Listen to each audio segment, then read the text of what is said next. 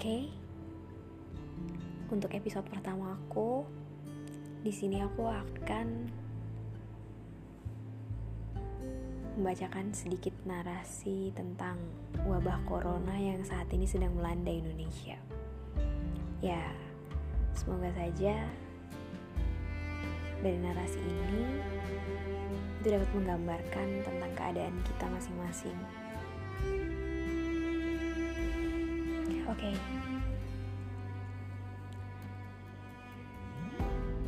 Selamat mendengarkan.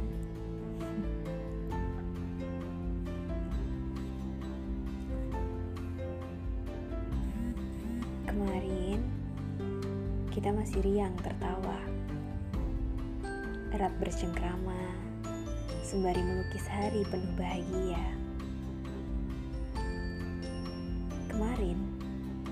Kita masih saling sapa dengan tatap muka tanpa ada jarak yang dijaga.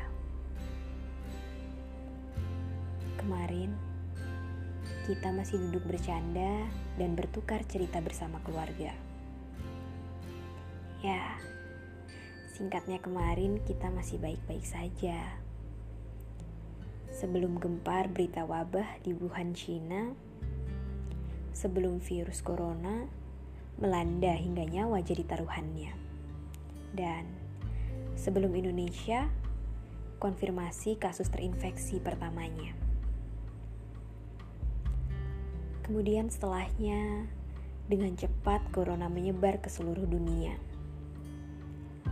Demikian juga rumor dan informasi yang salah turut serta.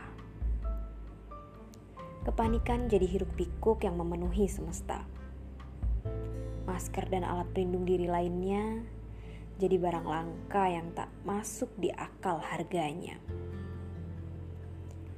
Hingga hanya orang-orang berada yang mampu mendapatkannya.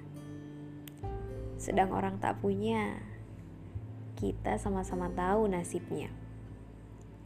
Hanya menjalankan tokoh tak berupa yang siap dijemput maut kapan saja. Di sisi lain, tenaga medis jadi umpan yang siap disantap corona dengan dalih penugasan di dalamnya. Banyak orang tersandra di rantau tempat ia memungut asa. Buruh dipaksa kerja seolah punya sembilan nyawa.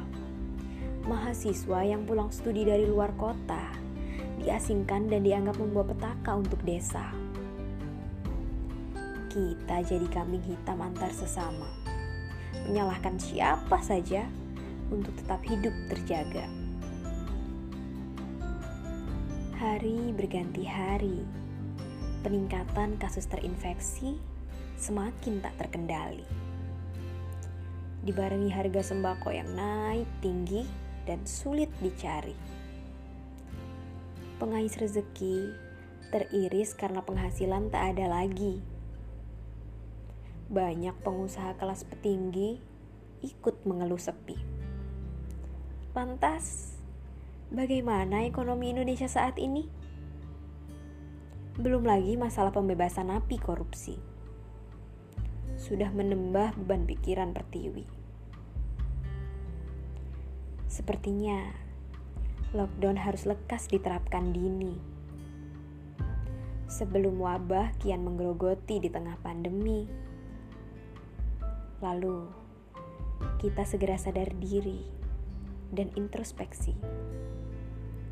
Barangkali musibah ini adalah bentuk peringatan dari Sang Ilahi